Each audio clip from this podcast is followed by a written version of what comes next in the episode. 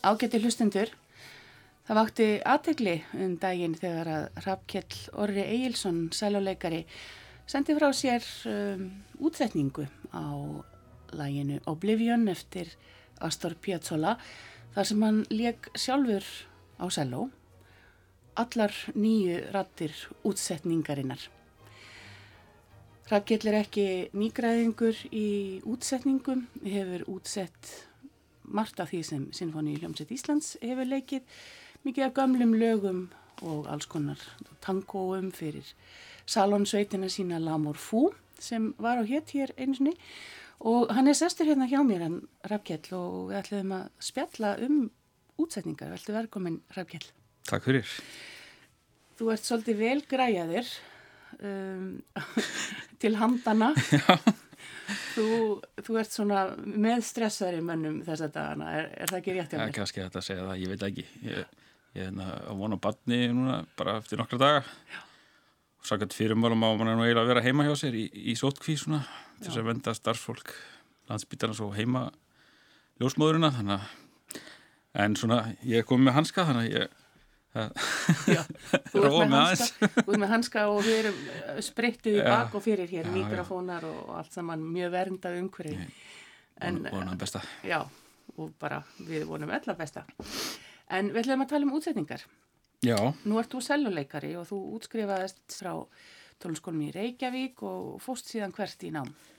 Já, ég kláraði búrstararpróf 96 og fór svo til Lübeck í Salunum Þísklandi var þar í sex ár og smá tíma í París og svo kom ég heim og fekk eh, stöð í symfónínu 2002 búin að vera þar síðan 18 ár? Já, mm. tími líður Tími líður það En uh, var þetta bara engungu selunum eða voru þetta einhverja svona tíma sóttur í tíma? Uh, ég sótti tíma í hljómfræði og, og hljóðfærafræði og svona það sem að það sem að svona grunnkúrsar í háskólanámi í tónlist hljóðfærafræði þá er það svona kjensla í hinnum eins og hljóðfærum hvað, hvernig þau virka og hvað, hvað svona eiginleikar eiginleikar hvers og eins. Mm.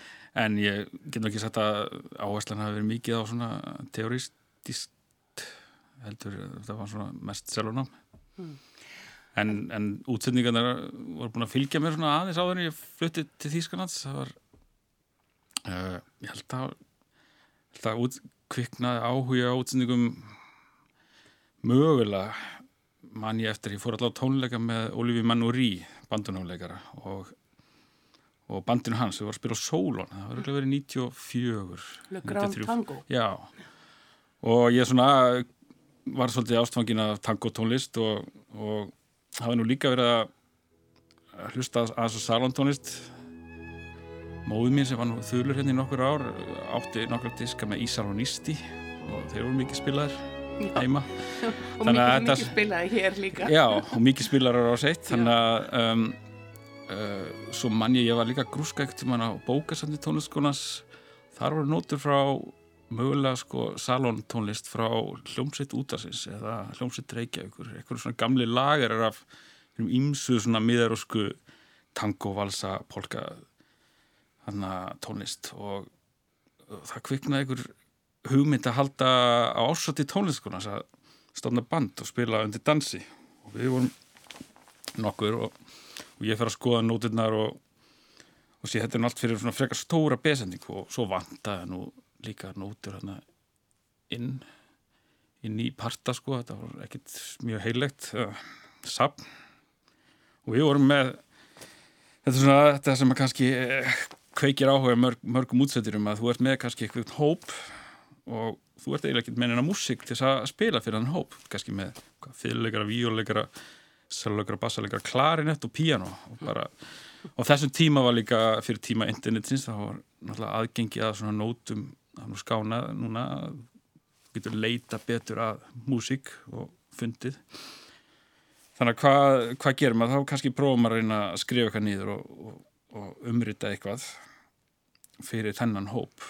Og maður sér það svona í þessum heimi það er mjög það er mikið af svona kannski útsetturum svona úr kljóðfara geiranu sem að eru það útsetja kannski fyrir svona hópa sem þeir eru að uh, spila í Mm. einmitt að því að það er ekki ekki tilnætt uh, efni. Og er þessi hópur, er þetta kannski uppistæðan í lagmorfú? Já, þetta var svona svona mm, for, for, forrennari Lamúrfú Já. voru nokkur þarna sem í þessum, í þessum bandi sem að síðan við stopnum Lamúrfú 99 heldur fyrstu tónleikana í uh, kaffileikur svona hlaðvarpanum rifjaði upp með, það var Tinna Þorsteinsdóttir á, á piano, þú á selló, Rafnildur Hrafnildur Atladóttir á fiðlu Guðrún Hrund Haraldóttir á víulu og, og, og þá hérna var hérna reynda fyrst tónleikur spilað Borgar Magnarsson á bassa og svo kom Gunnlegu Torfi Stefansson síðar inn í. Og Tinna var ekki með á fyrst tónleikum hún kom líka inn í það síðar. Þannig að já um, þannig að ég hafa svona verið eitthvað það var greinilega ekki alveg dáið þess áhugi á þessu á, á þessum hlutum þegar ég fór í selunum og ég var nú enna líka í tónsmíðatímum hjá Alla heimi Sveinsinni í eitt ár áður ég fór út. Þannig að hafa nú svona blundað blundað kannski í mér uh, eitthvað svona sköpunar þrá Já. og hún kannski svona, já, fór í dvala við selunum á meðan hefur fengið útrás í svona þessum útsendingum Hvernig var það að vera í tónsmiðatímum hjá allar heimi? Það var bara, það var gaman ég, ég manna hann saði einu sinni að maður ætti aldrei að skrifa neitt sem væri þægilegt fyrir hljóðfæri það var svona einhver frasi sem hann með mig ég er nú ekki beinni sammálun með því en hann var svona það var, hann hristi upp í manni en ég er nú ekki vissum að ég har lært mjög mikið hann var mjög gaman að spjalla við hann Já, það var skemmtilega maður. Já.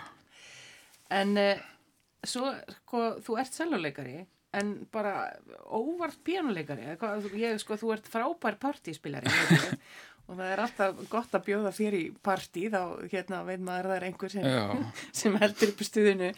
En kom það bara svona sjálfu sér? Ég Já, það, ég bara byrjaði svona að spila eftir eiranu þegar ég var lítill, kannski 10-11 ára. Og ég fann það fljótt að ég, ég, ég var mjög góður í svona þessum teorítisku greinum, sko, tómfræði lág vel við mér og hérna og, og já, ger- spilaði svona strax ungur á píano og tók svona hérna nokkuð stig í tón og var tvö ár í píanonámi með salónu úti, skilda þannig að það er svona þessi hlið en að hljómfræði og og, og sí, já, fræðilega hlið tónlistarinn hefur náttúrulega alltaf blunda í svona með, svona undir verið miss mikið upp á yfirborðinu Það sem einu sinni í tónliskólanum var kallað aukagreinar. já, Svo kom Guðmundur Hástinsson uh, uh, í skólan sem kennari og þá voru þetta allt í einu ekki aukagreinar. einmitt Ertu sammála því? ég, ég allavega ber alveg gríðarlega mikla virðingu fyrir Guðmundi, hann kendi mér mjög mikið uh, bæði í uh, hljómfræði og kontrabúndi þannig að ég get allavega fyrir mitt leitið þá var þetta mjög gaglegt fyrir mig sem tónlistamann mm. allar þessar greinar. En hvað er það svona sem að maður þarf að hafa í huga þegar þú ert, þegar þú dettir í huga eitthvað lag svona eins og ég man nú til dæmis hefur útsett sko litli tónlistamæðurinn bæði fyrir Lamorfú og svo hefur líka útsett það fyrir Sinfoníuljómsett sem að var flutt þarna á mannstu gamla daga. Já, passar. Hvað um, hva, hva hefur þið, hvað hva ert, að- hvað ert að hugsa? Já, ég var með þetta huglega þetta ári komin í vittar hvað hva, hva þessi svona hvað, já, hvað hvað útsett, góður útsettir þarf að hafa. Þetta er náttúrulega já, kannski fyrir hlustendur sem átt þess ekki alveg á hvað það er, það er náttúrulega þú ert kannski færð í hendunar eitthvað skonar tónlist eða eitthvað efni sem að það búið að skapa uh, af einhverjum öðrum. Það er eitthvað lag eða eitthvað verk og þú þarf kannski að umrita það skrifa það út fyrir einhvern annan hóp. Og um, já, hvað er góður, góður útsýtti hann þarf alltaf að hafa ákveðina svona grunnþekkingu í í, í tónfræði. Hann þarf að þekkja hljóðfærin sem hann er að fara að skrifa fyrir. Það er kannski ekki allir útsýttir sem þekkja öll hljóðfæri í heiminum en það, það eru útsýttir sem eru frábæri að skrifa fyrir braskljóðfæri því þekkja það bara alveg, alveg út og inn og aðrir eru kannski gera frábæra undirritur fyrir sitt eigi hljóðfæri orgel eða þannig að svo þarf hann alltaf kannski að hafa mm, eitthvað svona innsægi, eitthvað, eitthvað musikalitet, eitthvað hugmyndir um hvað, hvað sé hægt að gera við svona lag eða verk. Það þarf að líka, finnst mér allavega að bera virðingu fyrir þessu höfundarefni tónverkinu sjálfur og eitthvað neginn svona ekki brjóta á sæmdaréttir höfundari kannski getur ekki leiftir hvað sem er. Allavega þannig að þú getur svona raukstuta fyrir sjálfum þér. Já, þannig allavega gerði ég eitthvað svona eitthvað músikal sem að sem að, sem að na, bætir einhverju við mm. verkið og kannski gera það betra, menn að það eru til fölgum dæmum verk eða lög sem að sem hafa kannski verið þekkt hjá höfundinum. Og svo kemur kannski einhver frábær listamæður og, og, og gerir nýja útgáfu nýja útsendingu, nýja nýtt og þá slæraði gegn. Menna, sjáum menna, menna, öll Bob Dylan lög er að þekktari með öðrum hlutindum og, og svona jafnvel betri, betur flutt og, skemmtilegri, þannig að alltaf fyrir mína parta. Mm.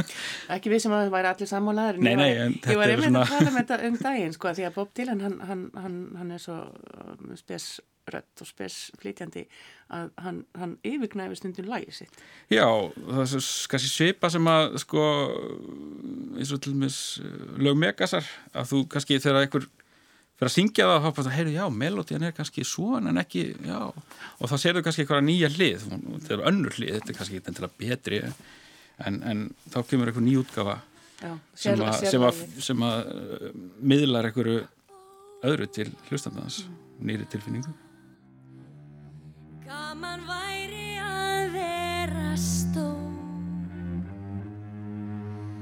Þá vild ég stjórn bæði hljómsveit og kó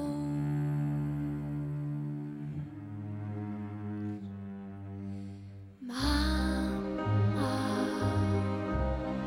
Þú ert elskuleg mamma mín. Mér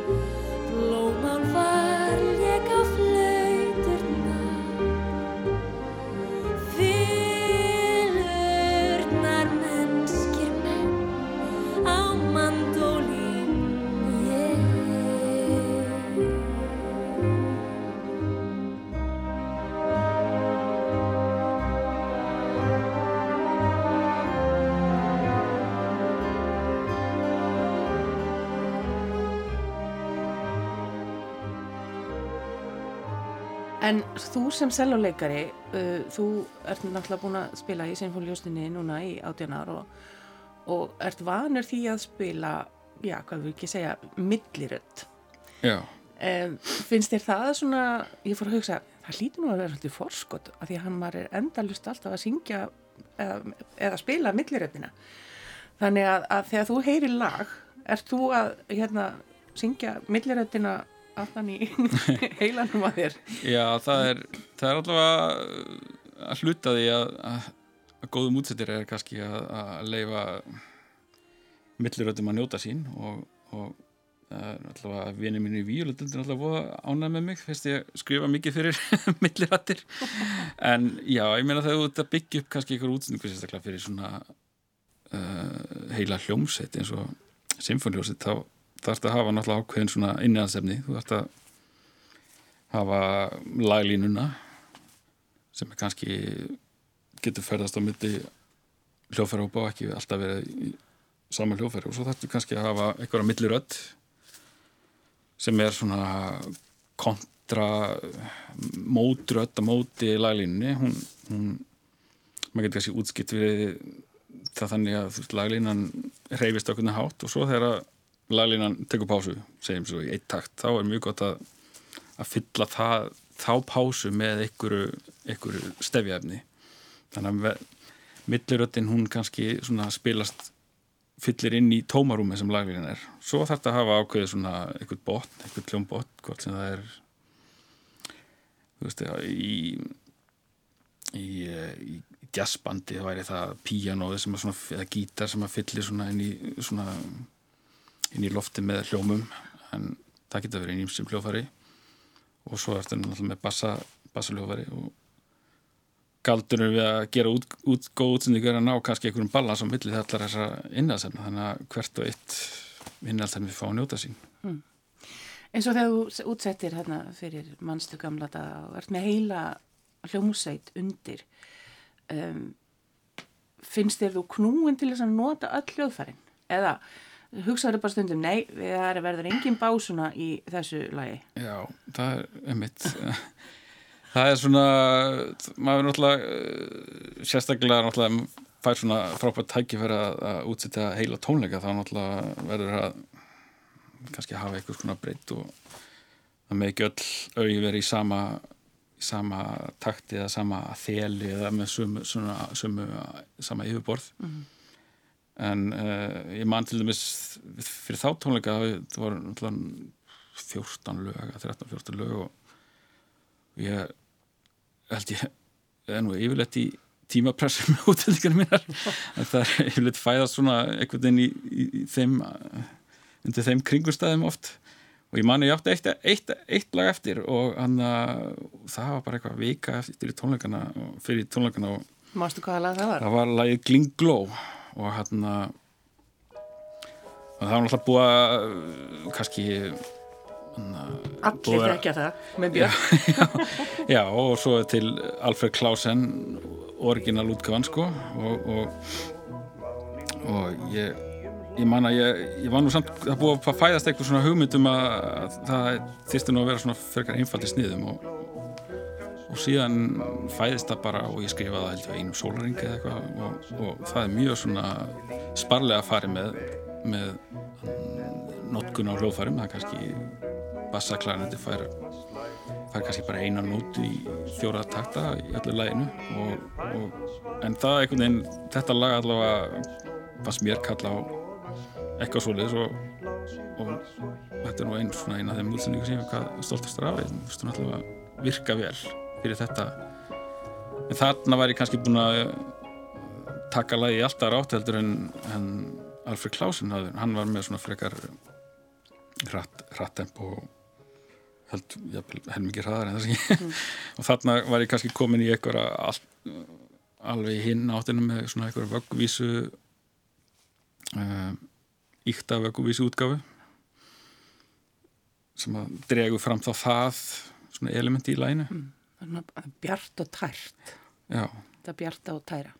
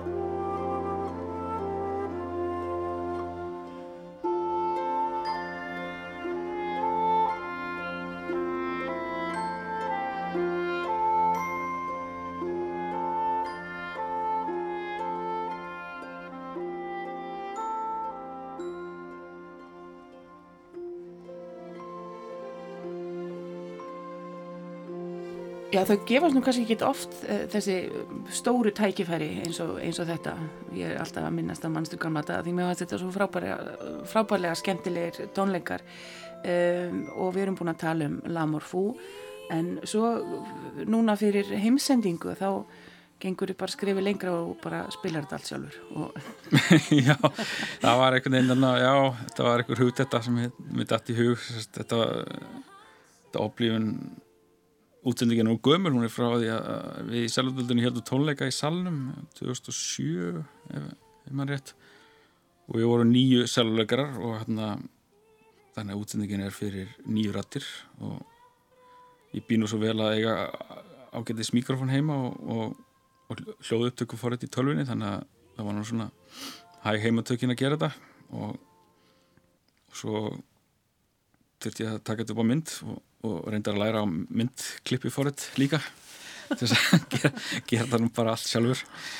En uh, já, það var skemmtilegt. Um, já, það er náttúrulega áskorun að skrifa fyrir sama hljóðfæri þessi hljóðfærihóp sem er samastendur af um, bara einu hljóðfæri selóð býnur svo vel að, hefur til dæla vítt ratsvið og einhverjum har sagt að það líkist mannsröðinni hvað það var að það hefur bæði bassatíðni sem á sem á sópran upp í hæstu hæðir þannig að þarna var allavega gætilegt mér það að, að sína breytt selosins eins, svona, eins, eins og hættar og þarna þarf maður kannski að hafa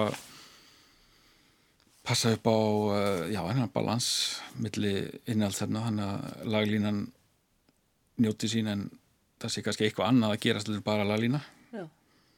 Maður getur tekið sér dæmi kannski svona í útsendingum einhverju lustundu kannast kannski við jólalögin sem eru stundu spiluð hérna á þálagsmessu sem eru tiltölu einfaldar strengja sveitar útsendingar af jólunum. Og þar er, þar er kannski bara öll strengja sveitin að spila spila saman lægi, það er ekkert það er kannski engin um, engin breyting í, uh, í ritma ríni heldur svona tiltöla homofón reyfing á í rattfæslinni og það er uh, kannski minnir mann á svona hvernig svona, svona hljóðfæra fræði og útsetningar orkestrasjón, útsetningar fyrir hljómsættu við þróast að, að svona klassika tímanum þá þá hafði hafði strengjasautin ákveðir hlutverk og, annur hljóðfæri voru kannski bara til skreitingar og svo svona smá sem að þróast þetta í að, að, koma inn annur hljóðfæri sem hafa ákveðir hlutverk. En samt mjög svona uh, einfalt hlutverk þegar óbóið eða flautan spila laglínur svona á að til og, og grunn uppbyggingin í hljómsveitin er, er strenginir hotn eða trompetar eru svona einhver, einhver svona hotnaköll sem að koma inn á mikilvægum, punkt, á mikilvægum punktum. Og smán saman þá þróast náttúrulega hljómsveitin út í það að sellón og bassan er ekki bara alltaf að spila bassalínunar og þýðlunar alltaf lægi, þetta er smán saman fá fá kannski fleiri hljóðfæri að spila millirættir eða línu og, og þetta nær kannski einhverjum hátpunkt í orkestasjón útsetningum Malers og Strauss það sem að öll hljómsveitin það búið að viksla hlutverkunum út um allt í hljómsveitina. Það er einna hérna, og uh, blönduninn á hljómsveitinu er þannig að, að sellón er kannski spila með hotnum og fylgur að spila með trompetum og þannig býður til svona viti í, í, í uh, hljómnum eða, eða orkestrunni. Þannig að uh, það er kannski svona galdurinn að gera gera góða útsendingur er að, er að ná eitthvað svona maður getur kallað eitthvað, eitthvað svona, svona stereoeffekt. Þannig að það sé, það sé marg, margir hlutir að gerast í einu en, en hver og einn fá að, fá að njóta sín. Og þú takir eftir því. Já þarna er bassin er alltaf á sínu stað og, og, og svona eins og ég sagði að hann kannski öll inni allt sem þið fá að njóta sín. Mm. Skulum heyra hérna heimsendinguna þína eða Sinfoniljóstar Íslands framlað þitt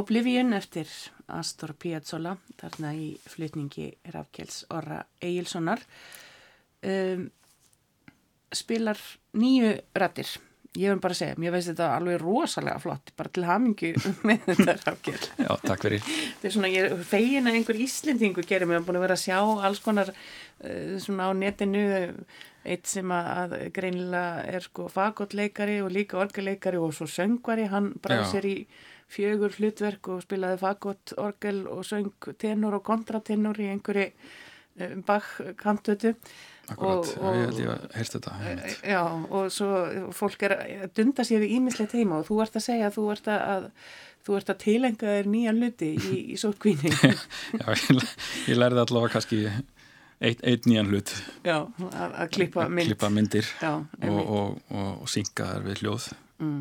En lumar á fleiri svona útsetningum, þú lítir nú að hafa þær kannski ekki alveg endalust ef þið hafið haldið heila tónleika nýju selló saman að það er ekki, það er ekki hver, hver sem er sem að er alltaf að semja fyrir Já. nýju selló. Nei, nei, nei, það er, þetta er svona verið, það verið aðeins verið skrifað fyrir þetta og útsett, þannig að ég hef gert nokkara útsendingar og þetta er náttúrulega, það er mjög gaman að að fást við eigi hljófæri Vía Lóbos kannski Já, náttúrulega Vía Lóbos röttu bröttinu hann er svona með sínum bakkinas brasileras fyrir bæði Selvo Hóp og svo Selvo Sopran. Og en eh, já, Selvoðu kannski græðir á þessu eins og ég segi að, að hafa þetta breyða ratsvið þannig að það er kannski eitt óþólandi að, að hlusta á áttaselvo í hóp sem hljóðheimur. Einmitt, einmitt. svona og auðveldara en til dæmis eins og átta piano þó að það hafi nú já. en það verður nú svolítið gröytur verður að segja snema að það sé mjög já. vel gert. En það er kannski hugmynd Já, ég meina, flautur hafa gert þetta með ákveldis árangri með, svona, með því að nota ymsar, ymsar flautur. Akkurat. En um, ég veit ekki hvort það vitað allir en um, þið sískinni eru ákaflega listræn öll semul, þú ert bróðið þinn er Högni Ílsson Högni Hjaltalín Passar. og sýstir þín Artís Hrönn Egilsdóttir, leikona um, er þetta svona var þessu haldið að ykkur mikið eða er þetta eitthvað svona sem að því finnst bara að hafa alltaf verið? Já, það er náttúrulega pappi er náttúrulega píjónuleikari jazzpíjónuleikari og, og ekki aðal starfi en lengi ramarsverkræði profesor og móðið mín mikil tónlistar áhuga kona þannig að jú, það var náttúrulega alltaf mikil hana, tónlistar áhuga á heimilinu. Og, og afi minn kerði mig alltaf í spilatíma þannig að já, hún er mikið þakka. Sæluleikir þetta og, og hann ferðaðist líka var hann að málfræðingur í Háskóli Íslands Hreit Bendisson og hann ferðast nú mikið útlanda á rástöðnur og svona einhver frí og var mjög djúlir að kaupa handa með gesslitiska með, með tónlist og hann mikill mal er áhuga maður þannig að eitthvað, eitthvað hafði hann, hafði hann líka áhrif á þetta. Já. En hvað er svona þegar þú ert beðin, tekur, segir alltaf já fyrir það fyrsta, segir alltaf já eða segir bara stundum nei, ég held að þetta gangi ekki? Góð spurning, það er svona stundum kvarlaða mér að eftir að láta eitthvað hluti vera, ég til dæmis útsett svona fyrir barnatónleika symfónin eða jólatónleika symfóninar þá er oft svona verið að reyna að fá kannski leifa ungum einleikurum að spreita sig og kannski samina það, já, heyrðu ungir einleikar og kannski barnakór, þannig að maður fær maður hugsa kannski þegar maður fær hérna spurninguna, já, getur útsett Panis Angelikus fyrir strengjakvartet og barnakór og symfóliarsitt þá hugsa ég, svona kannski tek mér nokkra takk á þenni segi já, en svona yfirleitt þá nær maður nú að gera eitthvað uh, eitthvað svona sæmilegt út úr þessu en, en, en kannski sköpunar prósessin er daltið lengi þá í, í þeim hana, tilfellum. Maður, Svolítið stíbla maður er svona að hugsa, já hvernig já ég að fara að útsetja þetta? Því að kannski eins og í ykkur svona uh, dæmi er maður, það maður að hugsa, huga að nokkrum hlutum, það er við erum að tala um kannski unga einleikara sem að eru kannski á mentaskóla aldrei og kunna tölvöld á hljófæri en er kannski ekki alveg fullnuma þannig að já, á ég, ég má ekki hafa þetta ofervitt það kannski þá hljómar ekki eins vel. Eða, en ég má það samt ekki hafa of létta því að þá verður ekki ná mikil ásköfum fyrir þau. Og uh, svo þarf náttúrulega að heyrast líka í barnakórnum að því að fóröldarnir koma á tónleikana og það heyrist ekkert í kórnum þá það er allir brjálæðir og svo þarftu náttúrulega kannski að halda symfóliulustinni góðri það má ekki vera bara eitthvað langa nótur að og já það þarf að þá bara hugsa maður stundum já, er þetta mögulegt?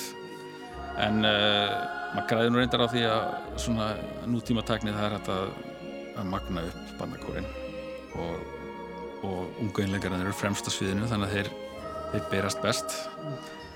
Og svo er þetta kannski að vinna í einhverjum svona um, að bland, blanda þessu betur á æfingum sem betur verð en, en það er, ímislegt svona sem að maður þarf að huga að þegar maður fær eitthvað verkefni. Það er meina, kannski sem einhverja litla strengja útsendingu fyrir áskilt trösta og þá er kannski búið allt lægi er meður um hérna tilbúið og svo ringir hérna prótisandi mér, heyrðum við alltaf strengi hérna og, og þá hvað ég gera þá er náttúrulega, er ég að fara að semja eða búa eitthvað til inn í eitthvað ákveðið samengi og þá hef ég kannski ekki eins eins uh, lausan tauminn mm.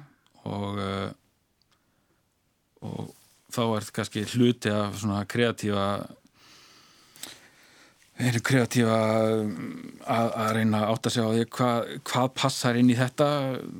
Hvernig hvað getur hvers konar músík getur bætt einhverju lagi á þess að fara kannski bara að eðilegja það, það góða sem er búið að gera? Kannski bara þannig að það er mörg að huga svona þegar þess að, að útsendingin virki svona það er alltaf ákveðnar já, mismöndi væntingar uh, við hverja útsendingu mm. þjóna, þjóna mismöndi hlutökum Er mikið sótt til þín í til dæmis úr popinu?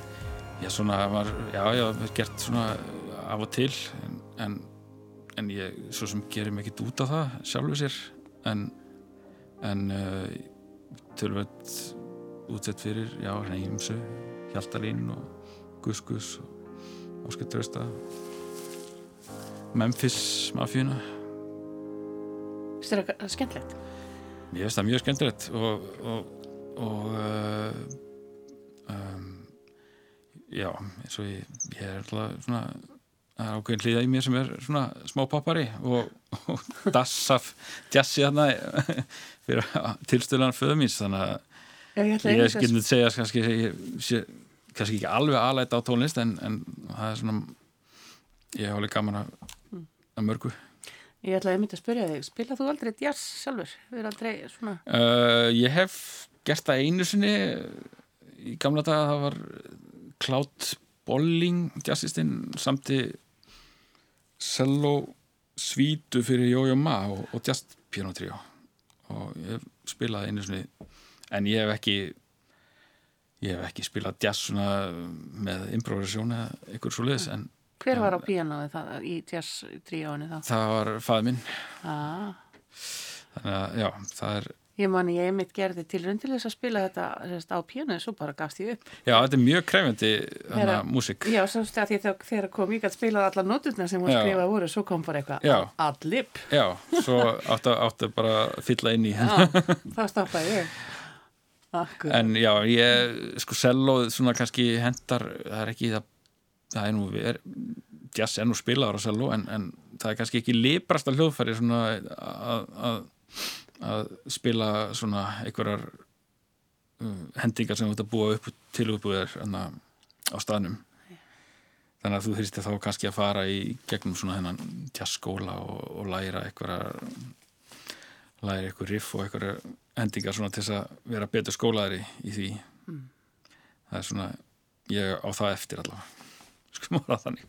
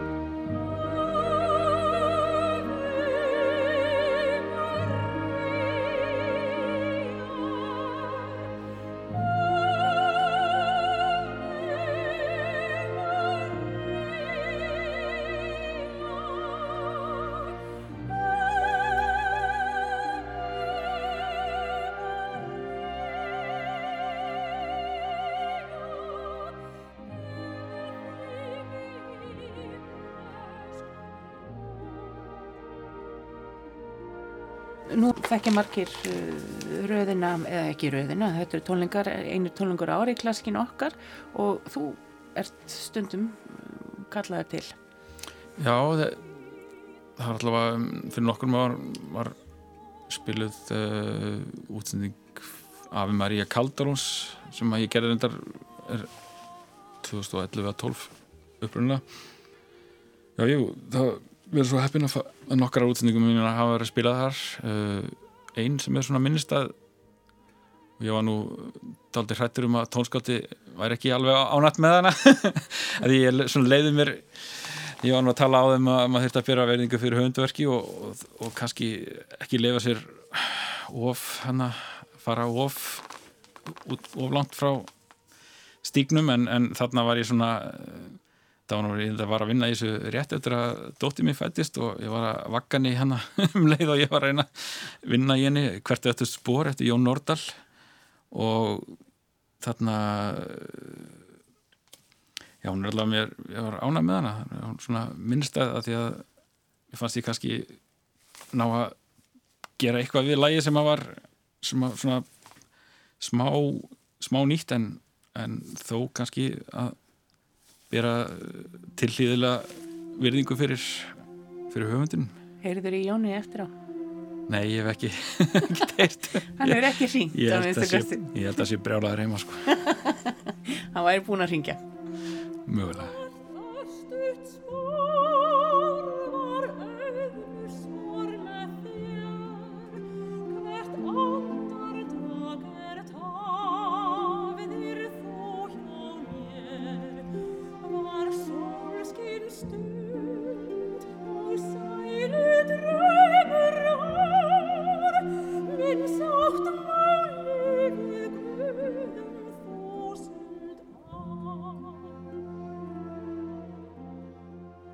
en svo er á leiðinni um, diskur, þinn, þinn fyrsti geisladiskur, var solo. Já, kannski má segja það í samstarfi Guðmund Sigursson, orgelegara í organista í Hafnarfjörðarkirkju. Já, það var við hann að kviknaði hugmynda að taka upp verk eftir Jón Sebastian Bach sem væri þá umrituð að útsett fyrir sel og orgel. Hann samti nú ekkert fyrir þessa hljóðfæra samsendingu blessaðakallin en en uh, tónlist Bachs sko náttúrulega hendar mjög vel til útendingar eða umritunar.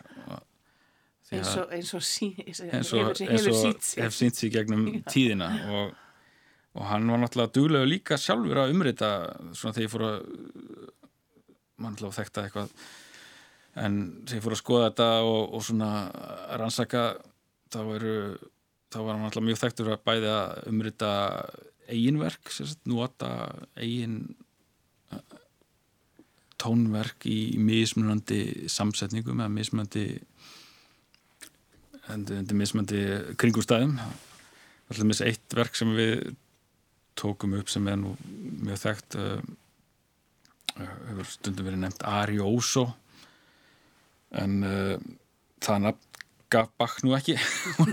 Merkinu ekki, heldur eitthvað svona einhver eh, frá romantíska tímabölinu en það er sérst uh, upphálega sennilega úr óbó uh, konserti sem er tíndur og hann nota síðan þetta í bæði kantötu þannig að BFF 156 í stemi dænum fús im grabe heldur neiti og svo setna í sembal koncert BFF 1059 og það er til dæmis mjög, mjög ólíkt hvernig hann, hann uh, hvernig þær útgáður eru. Mm. og þannig að það er mjög, mjög lært og sýtt að standa fram í fyrir þessu, þessu mistra verki baks og, og geta það er rauninni þartur voða lítið einhvern veginn að, að vinna, vinna vinna það eða svona, bara svona beina tónlistininn og rétt að braut. Og þá þá getur þetta þessi frábæra tónlist fæðist í, í nýjum búningi. Hvað hva, hva heldur að sé, af hverju er það svo? Hann er bara, bara mesti tónsnýrlingur mannkjösunar ég held að ég, get, ég hef enga aðra skýringu. Er, það er bara það er einhver það er bara einhver snilligáa sem að svona, sem að get ekki útskipta frekar en, en það er gaman að segja frá því að hann, já, eins og hann, hann var mikið að umrita verk annara, hann, hann umrita fleiri, fleiri koncepta eftir önnu tónskáldi fyrir uh, Sembal, þannig að hann var greinlega alltaf að, svona, alltaf að pæla og, og alltaf þessum tíma þurft hann að náttúrulega útbúa tónlist fyrir nýmsu tækifæri bæði kirkjulega tónlist og verallega þannig að, þannig að hann þurfti náttúrulega að vera bara með í handraðanum tónlist til takk sem hægt að nota undir við nýmsu tækifæri. Já, já. En já, það er einhver svona hreinleiki einhver svona tærleiki í, í tónlistinni sem að einhvern tíman heyr ég það að alls verk væri í gullinsniði, ég sæl það nú ekki dýraðan ég geti en þú hefur örgulega heyrt þetta líka. Akkurat. þannig að mann geti talið út nótunar þá væri þetta nákvæmlega þarna Það er allavega, það er eitthvað svona, það er eitthvað svona byggingarleg fegur þegar maður geti orðað þannig mm. falin í þessari tónlist, maður, maður horfir á verkin eða nótundar og, og stendur bara fram, fram að það í lotningu. Andagt sko, ég get ekki orðaðan eitt öðruvísi sko. Nei. En þú, þú ert með þannig að þessar útsetningar á þessum diski sem kemur í haust Já, vonandi já En við höfum hins vegar, við höfum heyrt af hann því að hann var spilaður í okkar heilagasta tíma, Húmor á jólum já. á aðfangadag Já, sem, að, sem að hérna var afskaplega viðeigandi og fallegt Um, hvernig finnst þér að stíga svona út úr um, svona ensemble spilinu og, og verða allt í hennu bara aðal? Já, það er það er bara það er bara gaman sko og, og sérstaklega þetta svona þessi samsendingar mjög gefandi og, og orgelið svona sem hljóðfæri kannski svolítið vannmetið á Íslandi. Það er svona svona alltaf fengt mikið notað í, í svona hefur þess að tengingu við kirkjur og guðsjónustur og kannski einhverju hafa mm, antipatt á, á því út af því, ég veit ekki en, en það er allavega hefur alveg frábæra möguleika sem, sem hljóðfæri og anna Náttúrulega með fleiri og, rattir heldur en nokkuð Já og, og mikla möguleika til blöndunar. Ef, ef orgil er, er gott þá og allavega, ég finnst þessi blanda, eh, orgili svona fær, fær svona umfaðma selóð og, og, og þessi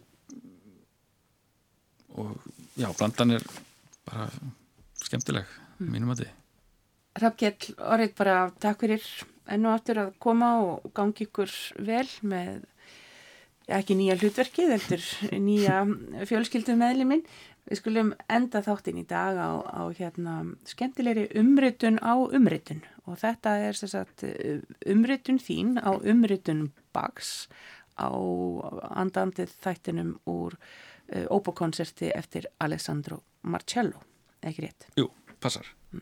Takk fyrir að koma. Takk fyrir mig.